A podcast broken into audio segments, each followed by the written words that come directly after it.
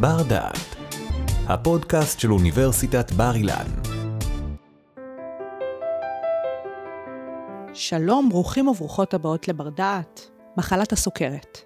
מה גורם למחלה הזו להפוך למגפה שמשפיעה על כל העולם המערבי וגורמת לתמותה של כמיליון בני אדם בכל שנה? ומהם הפיתוחים הטכנולוגיים שיכולים, אולי, לגרום להיעלמותה באופן סופי. מי שיעזור לנו להבין טוב יותר את מחלת הסוכרת הוא פרופסור אריה גרוזמן מהמחלקה לכימיה, מומחה לכימיה תרופתית. שלום אריה. שלום לכם. אז אנחנו יושבים ומדברים עכשיו על מחלת הסוכרת, ואני חושבת שבשנת 2024 זה אולי קצת מרגיש מוזר, כי כולנו מכירים את המחלה הזאת, ועדיין לא תמיד עד הסוף, לא תמיד מבינים את ההיקפים, לא תמיד מבינים את המשמעות של המחלה הזאתי. אז אם אנחנו צריכים רגע להתחיל את השיחה שלנו, מה נקודת הפתיחה? נקודת הפתיחה, אני חושב, אה, חייבים לדעת ולהבין שהמחלה הזאת היא מחלה שהיא בעצם אה, אה, מגיפה אמיתית, מגיפה מודרנית אפשר להגיד, כי כמות האנשים שחולים במחלה הזאת, שזה לא מחלה אחת, זה מגוון של מחלות שאנחנו קוראים לכולם סכרת. כל זמן המספר הזה עולה בצורה אסטרונומית, ואם אנחנו נדבר על מחלה שאנחנו כולנו מכירים שזה סכרת טייפ 2, או סכרת מסוג שני, שזה סכרת מבוגרים, ככה קוראים uh, למחלה הזאת, ב, אפשר להגיד בעם. אז המחלה הזאת היא בערך, היא לוקחת בערך 95% מכלל המספרים של סוכרת בעולם, ויש בערך 400 אה, מיליון האנשים שחולים במחלה הזאת בעולם, וחצי מיליון אנשים שחולים בישראל, והכמות האנשים שמתים ממחלה הזאת זה בערך מיליון אנשים כל שנה. בעולם. בעולם, ויש גם עוד מחלה שהיא גם מאוד רצינית, אבל מספרים שלה הרבה הרבה יותר פחותים, למרות שגם הם עולים, שזה סכרת טייפ 1, או סכרת נעורים, איך שקוראים לזה גם בעם, והמחלה הזאת היא קצת שונה ממחלה ראשונה, מסכרת טייפ 2, אבל עדיין גם היא מאוד מסוכנת, וגם מספרים של המחלה הזאת גם עולים אה, בצורה מאוד דרמטית בזמן האחרון, במיוחד במדינות מערביות. ואנחנו בשיחה שלנו ננסה להבין את ההשפעות של המחלה, ממה היא נגרמת, ומה אתה עושה במעבדה שלך. כן, אז uh, כמובן, אם יש uh, כזאת בעיה אקוטית, זאת אומרת, הדבר הזה לא היה כך לפני 50 שנה למשל, לא היו כאלו מספרים של סכרת type 2 וטייפ 1 uh, בעולם, ואנחנו רואים שזה עולה, אנחנו רואים שהרבה מאוד אנשים חולים במחלה הזאת בצורה קשה זאת אומרת, ממש קשה ביותר. גם אנחנו רואים שההתקדמות של מחלה היא הרבה יותר מהירה אה, בזמן האחרון, ויש תרופות טובות כמובן, אבל יש גם אה, הרבה אנשים שלא יכולים לקבל את כל התרופות, ואנחנו כל הזמן רצים אחרי פיתוח תרופות חדשות נגד סכרת טייפ 2, סכרת מסוג שני, כי זה המחלה מכל הסוגים של סכרת שפוגעת אה, באנושות.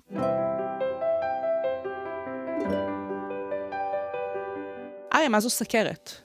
הסכרת זאת מחלה שאנחנו מכירים אותה בדבר מאוד פשוט, עלייה של רמות הגלוקוז בדם. זה אחד מהסימפטומים, שזה גם לא רק סימפטום הפשוט ביותר, זה גם סימפטום שהוא אחר כך אחראי על כל הבעיות החומרות שקורות אחר כך לאותם אנשים, כי רמות הגבוהות של גלוקוז בדם הם אה, לא רק סימפטום, זה בעצם גם סיבה לסיבוכים של סכרת לטווח ארוך, שהם הסיבה למחלה שהיא כל כך קשה, וגם למקרים המוות אה, ממנה. כי אם הסיפור היה רק העניין של הגלוקוז, כנראה שהפתרון היה די פשוט להוריד את רמות הגלוקוז. הבעיה האמיתית של המחלה זה הסיבוכים שלה. נכון, נכון, כי הבעיה הקריטית ביותר, שמי שאחראי על ויסות של רמות גלוקוז בגוף שלנו, זה הורמון שנקרא אינסולין, בעיקר, יש גם הורמונים אחרים, אבל הוא בעיקר עושה את העבודה.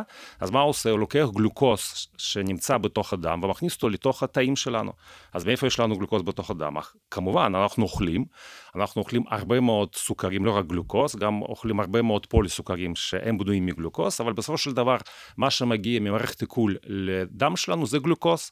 אז גלוקוז נמצא בדם, וגלוקוז לא יודע להיכנס לתוך התאים שלנו בצורה ספונטנית, צריכים לעזור לו. ואז המערכת שעוזרת לו להיכנס מהדם לתוך התאים, היא מנוהלת על ידי אינסולין, ואינסולין עושה את זה כל ננו-סקנד בצורה היעילה ביותר. זאת אומרת, אינסולין תמיד דואג שהרמות הגלוקוז בדם יהיו נורמליות, לא גבוהות ולא נמוכות, וזה קורה כל הזמן. ברגע שיש בעיה עם אינסולין, מה זאת אומרת בעיה עם אינסולין? יש שתי מחלות, מה שאמרנו. המחלה, הסוכרת מספר אחת, אותה הבעיה... סוכרת נעורים. כן, סוכרת נעורים, שהמחלה שם היא, אפשר להגיד, מאוד פשוטה בפתוגנזה שלה.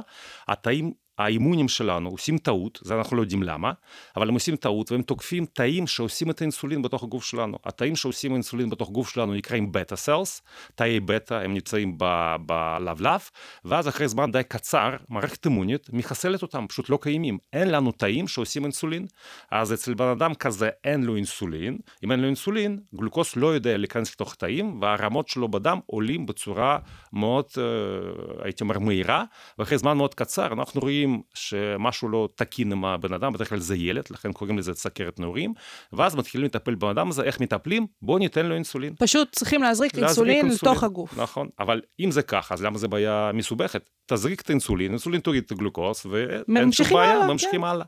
אבל הבעיה, מה שאני אמרתי, הבעיה זה יכולת של אינסולין לעשות את זה בצורה מבוקרת ביותר, שהוא מופרש מתאי בטא. תאי בטא הם כמו סנסורים, הם כל nano second בודקים מה הרמות של גלוקוס, ונותנים הכמות האינסולין המדויקת ביותר לתוך הדם. אבל כשאתה מזריק אינסולין מהמזרק, פעם ביום, פעמיים ביום, ארבע פעמים ביום, אתה אף פעם לא נמצא ברזולוציה של nano second, אתה הזרקת והלכת. זאת אומרת, כל הזמן יש לך שחרור של אינסולין מ depot, אם זה אינסולין שעובד לזמן ארוך, או אתה מזריק אינסולין ממש שיעבוד ישר בתוך הדם, ואחרי חמש דקות רמות גלוקוס השתנו, צריך להזריק עוד אינסולין, פחות או יותר, אתה לא יכול לשלוט בזה. ומה שיוצא לאנשים האלו כל הזמן, יש להם אי התאמה בין כמות האינסולין ורמות הגלוקוז בדם וכניסה של גלוקוז לתוך התאים, ואז לטווח ארוך זה גורם לסיבוכים בסכרת. אבל הסיפור של סכרת type 2 או סכרת מבוגרים הוא הרבה יותר מסובך, כי אצל האנשים האלו בהתחלה יש המון אינסולין. ואינסולין הזה מופרש בצורה תקינה והוא יוצא לתוך הדם, אבל אין לנו מושג למה. בשלב אינסולין, מסוים. בשלב מסוים מפסיק לעבוד. זאת אומרת, אינסולין לא מצליח לעשות את העבודה שלו, לקחת גלוקוס מהדם ולהכניס אותו לתוך התאים, למרות שהוא נמצא בכמויות לא רק שנורמליות, בכמויות הרבה יותר גדולות מנורמה, זה נקרא היפר אינסולינמיה. ואז אם אתה תיתן לבן אדם זה אינסולין, זה לא יעזור לו, כי אין לו רגישות לאינסולין, וזאת הבעיה החמורה ביותר בסכרת טייפ 2, כי פה אין לנו בכלל אופציה לטפל באנשים האלו עם הורמון הטבעי שמוריד את הגלוקוס. אלו השתי המחלות שאנחנו מנסים להתמודד איתם, ובשניהם מה שאנחנו רואים זה סיבוכים לטווח ארוך, כי גלוקוס גבוה בדם גורם לנזק גם לחלבונים שלנו וגם לשומנים שלנו וגם ל-DNA שלנו ולממברנות שלנו, ועם הזמן אנחנו מאבדים את התפקיד ותפקוד של כל המולקולות האלו, ואז אנחנו מקבלים את הסיבוכים שחלק מהם לצערנו הרבה אנשים מכירים. בטח שמעתם, אנחנו יודעים שהרבה אנשים סכרת, אנחנו קוראים לזה עולים על הדיאליזה, למה? כי כליות מפסיקות לעבוד, כי הם צריכים לזרוק את הכמויות האסטרונומיות של גלוקוס החוצה. אנחנו גם יודעים שהם מאבדים את הראייה, אה, יש הרבה סיבוכים קרדיו-וסקולריים, וגם יש פגיעה בעצבים, זאת אומרת, המחלה הזאת היא פוגעת בכל הרקמות של בן אדם, וזה תלוי בבן אדם, איפה זה יפגע.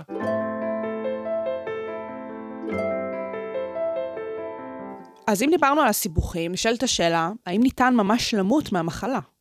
כן, כמובן, מהמחלה עצמה קשה למות בעולם הערבי, במיוחד בישראל, כי הסימפטומים האקוטיים של רמה גבוהה של סוכר, אנחנו רואים אותם, זאת אומרת, בן אדם אה, משתין המון, שותה המון, הוא גם אוכל והוא גם רזה, זאת אומרת, הוא כל הזמן נמצא במצב של, של רעבון.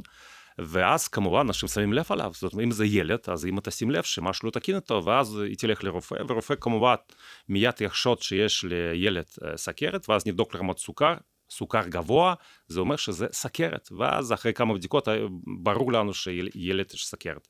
לבן אדם מבוגר זה לא כל כך פשוט, אבל עדיין, אם יש סכרת ברמה גבוהה, אז אחרי זמן קצר מאוד אנחנו גם רואים אותם סימפטומים. וברגע שאנחנו רואים אותם סימפטומים אנחנו בודקים אה, בדיקה מאוד פשוטה של רמת סוכר בדם ואז רואים שלבן אדם יש סכרת. זאת אומרת להגיע למצב של קומה שאפשר להגיע למצב כזה כי בוא נחשוב ביחד אם יש המון גלוקוז בדם וזה דומה לכוס אה, תה, אנחנו שמים כפית אחת של סוכר, אפשר לסבב את הכפית, זה עדיין מתמוסס וזה נוזל, אבל בוא נשים לתוך כוס אה, של מים, למשל 100 כפות של סוכר, של גלוקוז, שאנחנו לוקחים את זה בסופר, אנחנו נקבל דבש, וכבר הכפית לא תזוז, לא תסתובב בתוך הדבש הזה. זה בדיוק מה שקורה עם אנשים שיש להם הרבה גלוקוז בדם. בעצם הדם שלהם עושה סמיך לגמרי והוא לא זז. אין לו את הזרימה הפיזיולוגית וזה גורם לקטסטרופה כמובן. ואז רואים את זה, אה, הבן אדם נכנס לקומה, אז מתים מקומה, זה ברור שזה ככה. אבל אנחנו תופסים את זה הרבה יותר קודם, ולכן הבעיה האקוטית מרמות גבוהות של גלוקוז בישראל זה כמעט הדבר שלא קיים. אבל מה שאמרתי על הסיבוכים לטווח ארוך, את הסיבוכים לטווח ארוך אנחנו רואים כל הזמן, ובזה אנחנו מטפלים. כי כמובן אם יש לבן אדם שבץ מוחי, או אם יש לו התקף לב, או אם יש לו כשל uh, של כליות, אז זה גם סיבות שבן אדם יכול למות מזה. והתוצאה הראשונית זה סכרת, ואז אם מטפלים בסכרת, אז אפשר למנוע גם את זה. אנחנו כל הזמן אומרים שהמחלה פוגעת בעיקר בעולם המערבי. למה?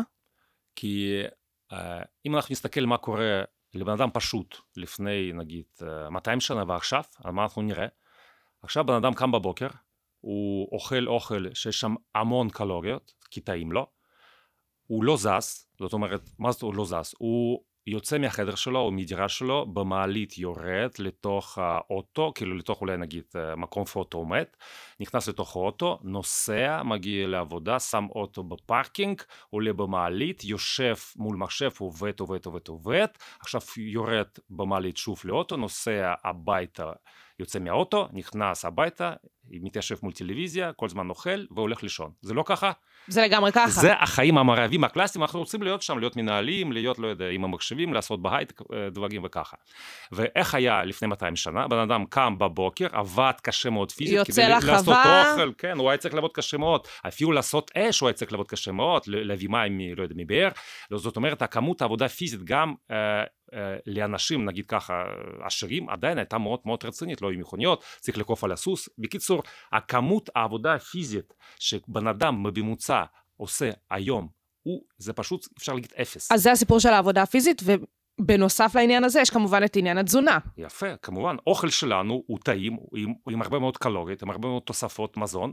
כל זה ביחד. אתה לא זז, ואתה אוכל הרבה. ואז מה אנחנו מקבלים? מקבלים מצב שאתה מכניס הרבה יותר קלורית, מה שאתה יכול, יכול לשרוף. ואתה צריך לחשוב עכשיו איך אתה שורף, אתה הולך לחדר כושר, אתה יורד במדרגות ברגל, זאת אומרת, אתה כל הזמן נמצא במצב של חשיבה איך אני אשרוף את הקלוריות. אז במובן ולפני מסוים... ולפני 200 שנה לא חשבו. במובן מסוים הסיפור הזה, יש כאן את האלמנט של הרפואה המונעת. אה. שאם אנחנו נאכל כמו שצריך, נעשה מספיק נכון, ספורט והכול, יכול להיות שאפילו לא נצטרך לגעת בכל הפיתוחים שנדבר עליהם בהמשך. יפה, כל הכבוד. נכון, אם, אבל זה הכל תלוי רק, לא תלוי, זה תלוי אולי בפסיכולוגיה של בן אדם, גם אולי בסוציולוגיה שלו, וגם כמובן בהשכלה, מה צריך לדבר עם ילדים כל הזמן, מה צריך לעשות בחיים מבחינת תזונה ופעילות גופנית. אבל אנחנו צריכים להבין שגנטיקה אי אפשר להחליף, זאת אומרת גם אצל יוגים הודים שאוכלים דברים בריאים ולא יודע, זזים כל הזמן ורצים ומתעסקים רק בפעילות גופנית, עדיין יש להם סכרת type 2, כי זה גם מחלה גנטית, אבל בכל אופן, אם אתה מוריד את הקלוריות, ואם אתה מעלה את הפעילות גופנית, ואם גנטיקה שלך בסדר, הסיכוי שלך לקבל סכרת type 2 הם מאוד מאוד נמוכים. ולמה זה גורם למחלה? אנחנו לא יודעים דרך אגב. אבל כנראה העודף של גלוקוז שאתה מכניס, זה מקלקל משהו במנגנון של העבודה של אינסולין והוא מפסיק לעבוד. זאת אומרת, ה glucose intolerance, או סבילות לגלוקוז, ככה אנחנו אומרים בעברית, נגרם בגלל שאתה מכניס הרבה יותר קלות ממה שאתה צריך. ולכן זו מחלה מערבית, לכן היא עולה בצורה אסטרונומית במדינות המערביות. וגם, אם אנחנו נדבר, אני אדבר על ישראל, אנחנו יודעים שאצל תימנים, המחלה הזאת היא באחוזים הרבה יותר גדולים מכל העדות. למה? כי גנטית, הם היו אה, חיים חיים נורמליים, טבעיים, זאת אומרת, היו אוכלים אוכל בריא, היו עובדים קשה, מגיעים לישראל והכל משתנה פה.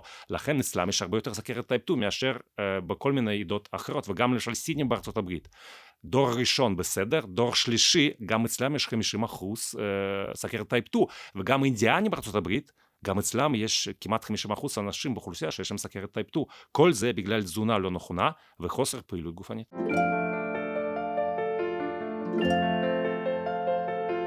אריה, אנחנו מדברים על המחלה בהיבטים גם מערבים וגם מודרניים, אבל הסיפור של סוכרת זה משהו שהתפתח עם השנים מבחינת איך שמטפלים במחלה. תוכל להסביר לנו איך זה עבד בעבר ומה אנחנו רואים היום מבחינת הפיתוחים הטכנולוגיים? כן, הסכרת זה מחלה של אנושות, והיא הייתה גם לפני 5,000 שנה, גם לפני 3,000 שנה, וגם רופאים, גם היפוקרטוס ורופאים אה, רומאים בהודו ובסין, וגם בתלמוד, אנחנו כמובן אה, פוגשים את המחלה הזאת, וגם קראו למחלה, אה, מחלה שהיא פגעת ביכולת של בן אדם לתפקד לזמן ארוך, זאת אומרת, בן אדם מאבד את ההכרה, הוא לא יודע איפה הוא נמצא, הוא כל הזמן רוצה לשתות, הם, הם ראו את זה גם, וגם היו בודקים את זה כמובן, אה, אנשים אולי יודעים את זה, שהיו תואמים את השתן. אתה, הרופא היה מכניס שתן, אצבע לתוך השתן והתואם, וכמובן הוא היה מרגיש טעם מתוק, אז היה ברור שזה המחלה. יכולים לאבחן. כן, זה, הבחנה, או היו, הרופאים יותר חכמים, היו שמים שתן על הרצפה, זה היה מתנ, אה, מתנדב, ואז אתה שם את הרגל שלך ואתה מרגיש שזה נדבק, גם זה אפשר היה לעשות. מדהים. והיו גם טיפולים, אה, טיפולים שהיו קשורים לצמחים, אנחנו אולי גם נדבר מאיפה יש לנו תרופות נגד סכרת, יש כמה תרופות, לפחות תרופה אחת שכן המקור אה, שלה היה מצמחים, ואנשים גם בהודו וגם בסין, גם פה בישראל, הם ידעו להשתמש בצמח הזה כדי לטפל בסכרת.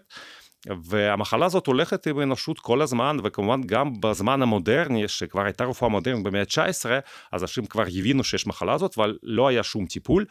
כמובן, לא היה שום טיפול במחלה, שזה מחלה מסוג אחד, סכרת type 1, ואז ב-1923 התגלה אינסולין, שזה המהפכה והדבר הדרמטי ביותר שקרה מבחינת טיפול בסכרת, אנשים קיבלו פרס נובל, וכבר התחילו להפיק את האינסולין, בהתחלה מחיות ואחר כך גם מאנשים, התחילו להזריק את האינסולין, וככה התחילו לטפל בצורה מאוד יפה בסכרת type 1, וכמובן אז כבר היה ברור שאם אתה נותן אינסולין לאנשים עם סכרת type 2, הוא לא עובד לפחות בשלבים ההתחלתיים, ואז זה גרם לאנשים לחפש תרופות שאולי יכולים לטפל בסכרת type 2, בלי קשר לאינסולין, כי אינסולין לא עובד. כאמור, האינסולין לסכרת מסוג 2, שזה הסכרת שברובה פוגעת באנושות, האינסולין פשוט לא עובד. הוא לא עובד בהתחלה, אנחנו אולי נדבר למה הוא מתחיל לעבוד בשלב היותר מתקדם של מחלה, אבל בהתחלה, ברגע שהמחלה רק מתפתחת, אז כן, אינסולין לא עובד,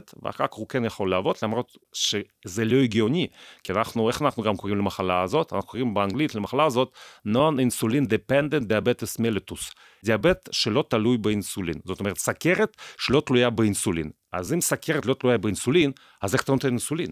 אז זה בדיוק הפרדיגמה של המחלה הזאת, טוב בואו נדבר על זה עכשיו, שבהתחלה הרי תאי בטא אצל האנשים האלו הם בסדר, הם קיימים, לא הרסו אותם, ואז הם מבינים שיש רמה גבוהה מאוד של גלוקוז בדם. אז מה הם צריכים לעשות? להפריש אינסולין, מפרישים אינסולין. ואז התאים uh, שנמצאים בפריפריה, שצריכים לקבל את הגלוקוז, מתקשרים לתאי ב' ואומרים, חבר'ה, מה קרה? איפה האינסולין? לא, מקבלים, לא, איפה הגלוקוז? איפה הגלוקוז? כן, יש הרבה אינסולין. ואז, ואז, ואז beta cells אומרים, אנחנו הפרשנו את כל האינסולין שיש. ואז תאים אומרים, אנחנו יודעים מה, מה אתם עושים. bottom line, אנחנו לא מקבלים גלוקוז, תפרישו יותר, תסנתזו יותר אינסולין. אז תאי בטא מתחיל לסנתז יותר אינסולין ולהפריש יותר אינסולין, ושוב, התאים, למשל שריר שצריך להתכווץ, הוא אומר, איפה הגלוקוז? איפה הגלוקוז? אני חייב את הסוכר. והם אומרים, אנחנו עשינו מקסימום, אז השריר אומר, לא מקסימום, אז תעשו עוד יותר ממקסימום. ואז זה שנה, שנתיים, שלוש, ארבע, חמש, עשר שנים, בסופו של דבר, תאי בטא עוברים אפופטוזיס, הם מתים, הם לא יכולים להתמודד עם הלחץ הזה שכל הזמן דורשים מהם להפריש את האינסולין שהוא יעבוד ויכניס את הגלוקוז לתוך התאים. וברגע שאנשים מאבדים את התאי בטא, מה זה הדבר הזה? זה סכרת type 1. זאת אומרת בעצם בשלב ה... אפשר להגיד לא טרמינל, אבל שלב המתקדם של סכרת type 2, היא הופכת ל type 1. כבר, יש, הסכרת type 2 לא נעלמת, אבל יש כאילו תוספת של סכרת type 1. עוד סממן. נכון, ואז במינונים האסטרונומיים של אינסולין שאתה מחזיק, אתה יכול לקבל איזשהו אפקט. ולכן הרבה אנשים מקבלים מנות, ממש מזרק שלם של אינסולין, למרות שיש להם סכרת טייפ 2 בשלב מתקדם של מחלה. וזה לא הגיוני, אבל זה קצת עוזר להם וזה עובד. זה ה... הלוגיקה למה צריך, או למה אפשר להשתמש באינסולין, שאתה מטפל במחלה שהשם שלה, המחלה שלא תלויה באינסולין. עד כאן הסיפור של המנגנון, איך הוא עובד ואיך המחלה נראית בתוך הגוף שלנו, אז איך מטפלים בה? אז כמובן, במחלה הראשונה, זאת אומרת, סכרת מסוג אחד, אנחנו מטפלים על ידי הזרקות של אינסולין. ואמרת קודם שהבעיה בעניין של להזריק אינסולין בסכרת נעורים, זה הסיפור שזה לא דומה למנגנון האמיתי של הגוף שלנו, שיודע איך להפריש את האינסולין בצורה מדידה ובזמן הנכון והכמות הנכונה, אז אני מאמינה שפה הפער יושב מבחינת הרפואה. נכון, רק זה. זאת אומרת, המחלה הזאת, אפשר להגיד, זה מחלה שקשור לסנסור. כי לסנטס אינסולין, להזריק אינסולין, אנחנו יכולים, אין לנו שום בעיה לספק אינסולין ל- ל- ל- לאותם חולים. הבעיה היחידה זה היכולת שלנו לתת הכמות הנדרשת של אינסולין בכל רגע הנדרש. זאת הבעיה הקריטית, וזה בכלל לא שייך לא לכימיה תרופתית ולא לרפואה, זה שייך רק ליכולת שלנו לעשות סנסור, זה הכל. אם היינו יכולים לעשות סנסור שהיה אומר לאיזושהי משאבה, מזריקה את האינסולין, כמה צריך להזריק כל nano second, אז היינו פותרים את הבעיה. ואנחנו לא שם, אנחנו הכל. לא שם, ולאט אנחנו- לאט הפיתוחים האלה יש פיתוחים, כן קורים. אנחנו עובדים קשה מאוד, יש גם artificial pancreas, ויש לנו פנקריאס רבוטי, ויש לנו משאבות שאפשר להשתיל אותם, ויש לנו סנסורים בתוך הגוף, וסנסורים בתוך העורקים, אבל עדיין זה לא זה. זאת אומרת, אנחנו עדיין לא נמצאים במצב שכל הפיתוחים האלו יכולים להחליף לנו את הפנקריאס האמיתי. והחלום הזה, לעשות את הפנקריאס הרבוטי, למה פנקריאס? כי זה הלבלב שמפריש את האינסולין, זה, זה המושג. יכולים לעשות את הפנקריאס המלאכותי, או artificial pancreas כזה, שיפריש את האינסולין, את הסכרת מסוכרת, לא הייתה קיימת. לא הייתה קיימת, היינו מרפאים אותה לחלוטין.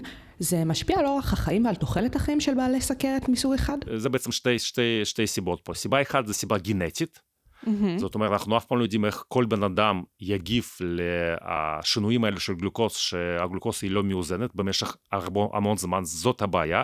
הרי סכרת זה מחלה כרונית, ולכן אם לילד יש מחלה, בגיל, פתאום מתפרץ מחלה בגיל שמונה, ואז הוא יגיע לגיל 120, אז כמובן, הסיבוכים שלו יכולים להיות אחרים לגמרי מבחינת הגנטיקה שלו לעומת ילד אחר.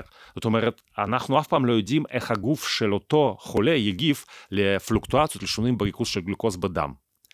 ולכן כמובן אנחנו לא יכולים להשפיע על זה, זאת אומרת הגנטיקה זה מה שיש לך, אבל אתה כן יכול להשפיע על זה על ידי התנהגות שלך, זאת אומרת אתה אסור לך כמובן לאכול מתוק, אתה חייב לעשות פעילות גופנית, וכמובן אתה צריך לשים לב מה, מה קורה איתך, ואם אתה כזה, יש לך משמעת עצמית, אז אתה משפר הרבה את היכולת שלך להגיע לגיל מאוד מבוגר, בלי סיבוכים של סכרת, לכן שני דברים, גנטיקה והתנהגות יכולה לעשות הבדל ענק.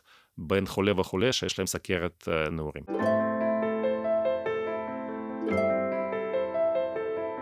אז זה הסיפור של סכרת נעורים, סכרת סוג 1. בואו נעבור לסכרת סוג 2, אותה מגפה שבאמת פוקדת את העולם המערבי. מה אתה יכול לספר לנו מבחינת הטיפול בסוג הזה? פה זה ממש... עולם ומלואו. כן, עולם ומלואו, זה אפשר להגיד שזה אחד מהמקצועות המסובכים ביותר שיש לרופאים. זאת אומרת, אם אתה רופא, שאתה מתעסק בסכרת טייפ 2, אתה חייב לדעת כל כך הרבה, בעצם כל רופאה נכנסת לתוך, לתוך הטיפול, וכל בן אדם, כמובן, זה משהו אחר לגמרי, וגם יש לך המון תרופות עכשיו בשוק שיכולים לעזור לאנשים האלו, וזה ממש קונצרט שלם מבחינת אותו רופא, שהוא לוקח גם את החולה, הוא גם לוקח את הארסנל של תרופות, הוא גם יודע את כל, כל רפואה כללית, כי הסכרת יכולה לפגוע בכל רקמות בתוך גוף של בן אדם, ואז הוא בונה טיפול שגם הוא משתנה כל הזמן, כי בן אדם מתבגר ויש כל מיני דברים חדשים שיוצאים באותו בן אדם, ולכן בן אדם שמתעסק עם סכרת הוא חייב להיות, הייתי אומר, רופא על. מכל המקצועות האחרים. ויש הרבה תרופות כמובן, אפשר להתחיל מתרופה מספר אחת שהתגלתה כתרופה נגד סכרת type 2, למה? כי התרופה הזאת לא עובדת דרך אינסולין, זה כל הפואנטה, וזה בדיוק הדבר הקריטי ביותר לציין, כי אם יש מחלה שהיא לא תלויה באינסולין, לפחות בהתחלה, אז תביא חומר שלא צריך אינסולין כדי להוריד גלוקוז בדם, והחומר הזה, המקור שלו זה צמח, צמח שגודל כמעט בכל, בכל העולם, ומצמח הזה הפיקו חומר T, ואחר כך סינתזו חומר שנמצא בתוך הצמח, ואנחנו כולנו מכירים את התרופה הזאת, השם הגנרי שלה זה מטפורמין, אבל השם שלה שאנחנו מכירים בארץ זה גלוקפארץ', זה כדור ענק כזה, כמעט גרם אחד וואו. בגודל, והחומר הזה הוא מוריד רמות של גלוקוז בצורה מאוד יעילה, ו... עוד פעם, חייבים לציין שזה לא תלוי באינסולין, ואני רק אגיד שהמנגנון פעולה של התרופה קשורה לפעילות הגופנית. זאת אומרת, התרופה הזאת היא כאילו מרמה את הגוף ואומרת לשרירים, אתם מתכווצים, למרות שהם לא מתכווצים. ובגלל שרירים שמתכווצים, הם צריכים אנרגיה, גלוקוס נכנס, וככה הגוף מכניס גלוקוס מהדם לתוך השרירים. שלא בעזרת שלא אינסולין. בעזרת, נכון, לא, לא בעזרת אינסולין ולא בעזרת התכווצות של שרירים. כי כל רופא יגיד לכל חולה עם סכרת type 2, אתה חייב לעשות פעילות גופנית. להתאמן. כי עצם התכווצות של שרירים, הם מכניסים גלוקוז בלי תלות באינסולין, זה פואנטה. אז אתה מכניס גלוקוז לשרירים בלי תלות באינסולין, שאתה הולך ומכווץ שרירים, אבל החלום של כל בן אדם זה לשבת בכורסה, להסתכל טלוויזיה, לקחת כדור, לא לכווץ את השרירים, והגלוקוז ייכנס, זה בדיוק מה שעושה מטפורמין, כמובן לא בצורה כל כך יעילה כמו כיווץ, אבל זה המנגנון פעולה שלו, הוא גם משפיע על הפרשת אינסולין, שאפשר להגיד, אבל זה לא הגיוני, נכון, אבל עדיין תפריש כמה שיותר אינסולין, כי בכל אופן הוא עובד קצת, גם אצל אנשים של סכרת type 2, וביחד זה נותן את האפקט המדהים הזה שהגלוקוז יורד, יש לו גם אפקט מאוד קריטי בלילה הוא מדכא סינתזה שלנו של גלוקוז, הסתבר שגם אנחנו מסנתזים גלוקוז, ואם האינסולין לא מכניס גלוקוז לתוך הדם, אז הוא נשאר בדם שאנחנו ישנים, כי אז, אז שזה התגלה זה היה מאוד מוזר, בן אדם בצום, לא אוכל שום דבר, נכון. הולך לישון, קם בבוקר, יש לו גלוקוז גבוה, מה קרה? מאיפה יש לו את זה? ואז התגלה אחר כך מנגנון מדהים שנקרא gluconeogenesis, שאנחנו, הכבד, עושה גלוקוז מעצמו. הוא לוקח חומצות אמיניות ועושה גלוקוז, ואם לבן אדם יש סכרת type 2, יש לו הרבה גלוקוז בדם בלילה, והאינסולין לא עובד. ואז מטפורמין, הוא מוריד את הגלוקוז גם בלילה, לכן זה התרופה מספר אחת הייתה, אבל הרבה מאוד שנים זו הייתה תרופה מספר אחת בטיפול נגד uh, סכרת type 2, ויש עוד כמה קבוצות של תרופות, זה לא תרופה אחת, יש קבוצה אחת מאוד מאוד מאוד גדולה, שהקבוצה הזאת עובדת על, אפשר להגיד, על סחיטה עד הטיפה האחרונה של הפרשת אינסולין מהפנקריאס, שזה, אנחנו רואים שזה לא כל כך טוב, אבל עדיין אם אתה, uh, אתה עושה הכל, אתה פשוט סוחט את, ה, את ההפרשה של אינסולין עד הסוף, אז אינסולין בכמויות גדולות בכל אופן עובד קצת אצל האנשים האלו, ואז רמות גלוקוז יורדות. אפשר גם להבין שעם הזמן זה מפסיק לעבוד, נכון? כי הפנקרס, חוזרים לסוג מתחילים, אחד. מתחילים למות, ואז אין על מי לעבוד, אין סובסטרט על מי לעבוד, כי אין תאי בטא.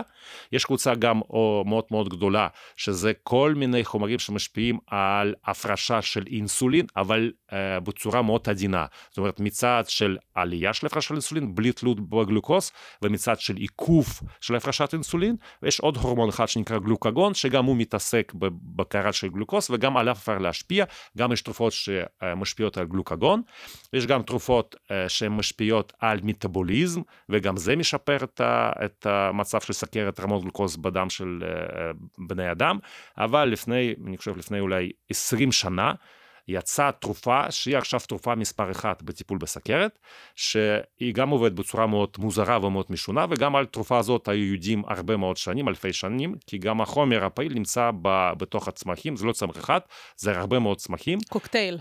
זה אפילו לא קוקטייל, זה הרבה מאוד צמחים, שיש שם את החומר הזה, ספציפי כימי, ואז יש גם, גם אנקדוטה עם החומר הזה, כי החומר הזה הוא מונע מגלוקוז להיכנס בחזרה מהשתן לתוך הדם. אנחנו חושבים שהכליות שלנו עובדות בצורה של מסננת. חד צדדי, חד כיווני, אם זה עבר אז- זה אז לא זה- חוזר. אז, זה, אז אני אסביר איך כליות עובדות, ואז נבין איך חומר עובד, התרופה. אנחנו חושבים שהכליות זה מסננת, זאת אומרת, כל מה שאנחנו צריכים זרקים, וכל מה שטוב, אנחנו... נשאר בגוף. נשאר אצלנו. הן לא עובדות ככה. זה לא ככה. כליות עובדות כמו חכה, הם זורקים את הכל, זרקו את הכל, הכל, גם דברים טובים זורקים החוצה לתוך השתן, ואחר כך כליות זורקו, אה, לוקחות בחזרה מה שצריך. ואז כל מה שלא נלקח בחזרה, זה מה שאנחנו מפרישים כשתן. זאת אומרת, כליות הן לא מסננת, הם לוקחים בחזרה כל מה שצריך. ואז הם זורקים גם את הגלוקוז. אנחנו צריכים את הגלוקוז, אנחנו צריכים אנרגיה. בגלל זה השתן מתוק. יפה, אז הם זורקים את כל הגלוקוז, במצב נורמלי הם לוקחים בחזרה אחר כך את כל הגלוקוז, אבל במצב של סכרת הם לא מצליחים לקחת גלוקוז כי יש הרבה, ואז הוא, הוא הולך לתוך השתן, ולכן נכון אמרת, זה השתן המתוק. אבל אם אתה לוקח את הצמח הזה, אז הוא עושה אינהיביציה, עושה בלוק, עיכוב על התהליך של החזרת גלוקוז מהשתן, ואז גלוקוז נשאר בשתן, יוצא עם השתן, ואז מה קורה איתו בדם? אז הוא יורד בדם. נכון. עכשיו כמובן אם אתה תעשה מינון גבוה אז אתה יכול לקחת הרבה גלוקוז מהדם ולזרוק את זה לשתן ואז הוא אה, אם יש גלוקוז בשתן אז זה בסדר בדם הוא יורד לנורמה זאת המנגנון הפעולה של החומר הזה אבל מה אנשים אמרו שהתגלה הם אמרו יהיו דלקות בשתן זה יפגע בכליות זה לא טוב ולכן הפרויקט בפיתוח תרופות בסוג הזה נעצר אפילו עשרות שנים. ואחר כך אנשים אמרו בוא ננסה נראה מה, מה, מה יקרה ואז אנשים פיתחו גם חומרים סינתטיים שעושים את הדבר הזה, הם פשוט מגבירות הכנסת גלוקוז לתוך השתן, וזה מוריד גלוקוז בדם, והסתבר שאין דלקות בכליות, כליות עובדות בסדר גמור, ואנחנו יכולים להוריד גלוקוז לנורמה בלי בעיה, ופעם ראשונה בהיסטוריה, עכשיו אנחנו יודעים זה אחרי אולי חמש שנים, אחרי, אחרי אה, מחקר מאוד אינטנסיבי בכל העולם, זאת התרופה היחידה שמאריכה חיים של אנשים עם סכרת type 2, והיא גם מגינה נגד סיבוכים של סכרת type 2 בלב של בן אדם, שזה הבעיה העיקרית בסיבוכים של סכרת פגיעה בלב. ולכן זו תרופה מספר אחת, והיא עובדת מצוין.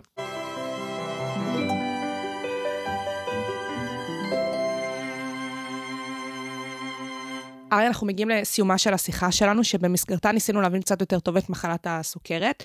אה, הסברנו שיש שני סוגים, הסברנו על כל אחת מהן. כמובן, אה, דיברנו קצת על המספרים, נגענו בכך שמדובר על אה, מגפה עולמית, בעיקר בעולם המערבי.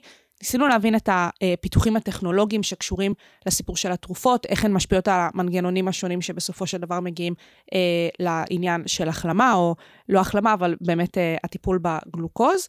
וסיימת באמת את החלק הקודם בתיאור של כמה תרופות שעושות את העבודה יפה מאוד. למה אנחנו צריכים להתקדם מכאן הלאה? אנחנו מנסים אה, לרפא את המחלה לחלוטין? לאן זה הולך? אז בעיה קריטית ביותר בטיפול בסכרת זה שלכל בן אדם אנחנו צריכים להתאים את הטיפול בסכרת type, type 2 שלו. ולהרבה אנשים יש כל מיני בעיות מסביב, וגם הסכרת כבר פוגעת במערכות, ולכן לצערנו הרבה מאוד מהתרופות שקיימות שהן טובות מאוד, הן uh, לא טובות לאנשים האלו. הן יגרמו להם ל-side effects, לתופעות לוואי, הרבה יותר גדולות מאשר בתועלת בטיפול בסכרת. לכן רופא שמטפל באנשים שיש להם סכרת type 2 רוצה שיהיה לו כמה שיותר אופציות. יש לו 50, אם תגיד לו שיש לך 100, הוא ייקח גם 100, תגיד שיש לו 1,000, הוא ייקח גם 1,000. אתה צריך שיהיה לך כמה שיותר תרופות שעובדות במגנונים שונים בסכרת type 2, כדי שאתה תתאים את זה לאנשים בצורה פרסונלית. הסיפור של הרפואה הפרטנית. יפה, נכון, זה בדיוק, הרפואה מותאמת אישית.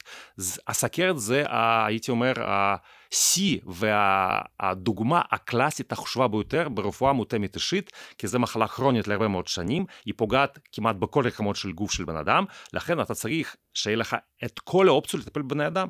אז אתה צריך הרבה מאוד סוגים שונים של תרופות. זה סיבה ראשונה. סיבה שנייה, גם תרופות טובות עדיין לא ריפאו את הסכרת. זאת אומרת, אנחנו גם לצערנו, בכל אופן, מקבלים את הסיבוכים של סכרת type 2 גם באנשים שמקבלים תרופות הטובות ביותר, כי המחלה עדיין קיימת, מתקדמת ופוגעת, לכן אתה אולי תמצא תרופה שהיא יותר טובה מתרופות שכבר קיימות בשימוש קליני. אנחנו ואנחנו... עדיין מנסים לרפא את המחלה. כן, בעצם. נכון, אנחנו מנסים לרפא את המחלה, וגם יש עוד כמה דברים קריטיים, זה גם כמה זה עולה, יש הרבה מאוד תרופות שעובדות מצוין, אבל הן סופר יקרות, ובעולם שלישי אי אפשר להשתמש בהן בכלל, הן בכלל לא קיימות. גם אצלנו בארץ יש תרופות שלא נכנסות לסל, לסל התרופות, כי הן מאוד יקרות, זה מונוקלונל אנטיבודיס, תרופות ביולוגיות. ולכן אותו מתפורמין, דרך אגב, הוא עולה נראה לי צנט אחד קילוגרם אחד. זאת אומרת, גם העניין הכלכלי הוא גם קריטי בנושא הזה, אנחנו רוצים תרופות טובות וזולות, שכל אחד יכול uh, לקבל אותן. ובמדע שלנו, אנחנו עובדים בשלושה כיוונים העיקריים, אנחנו מתעסקים בסכרת טייפ 1, סכרת נעורים, שם אנחנו מנסים לעשות artificial beta cells, זאת אומרת, אנחנו uh, משתמשים בעובדה מאוד מעניינת שתאי בטא במקור שלהם, אמבריונלי, הם נירונים, הם תאי עצב, ואז הם יורדים מהמוח לפנקריאס, ללבלב, ואז הופכים להיות לתאי בטא. למשל, לזבוב, התאים שעושים אינסולין נמצאים במוח. ואפילו בעיניים.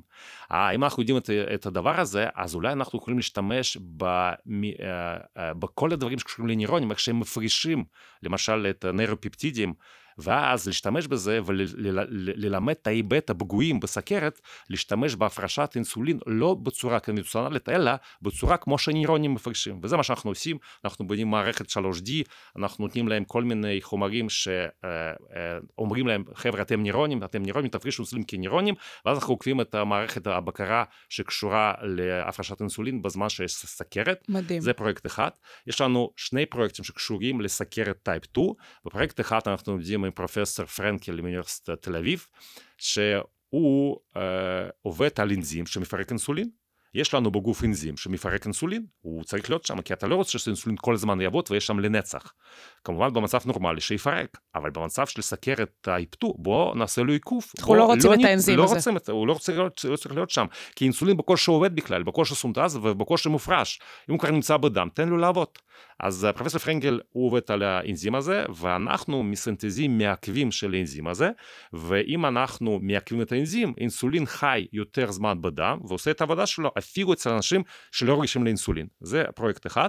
ופרויקט נוסף, אנחנו משתמשים באנזים שאפשר להגיד שהוא master of, of metabolic regulation של אה, בני אדם, זאת אומרת זה... אה, לא ספציפית. אינסולין. הוא, כן, הוא, הוא אחראי על כל המטאבוליזם.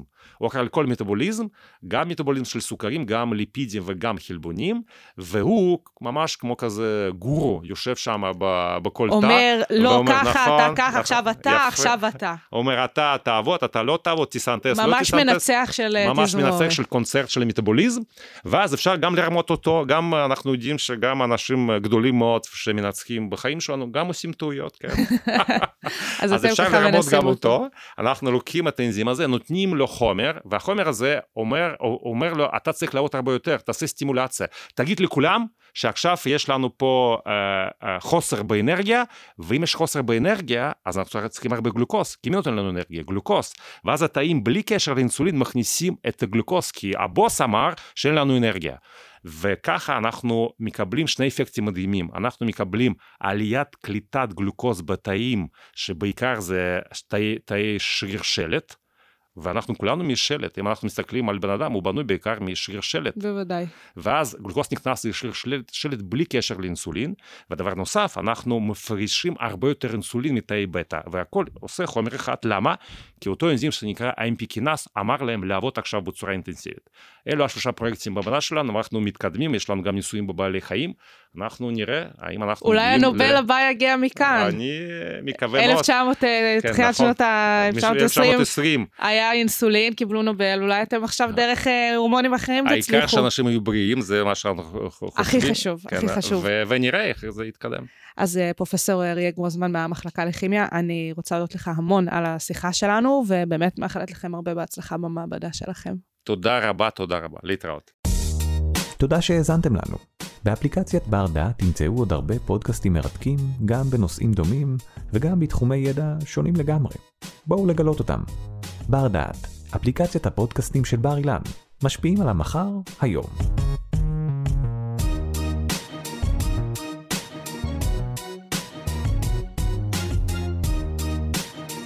ערכה והפיקה שי קלוט. תודה על ההאזנה.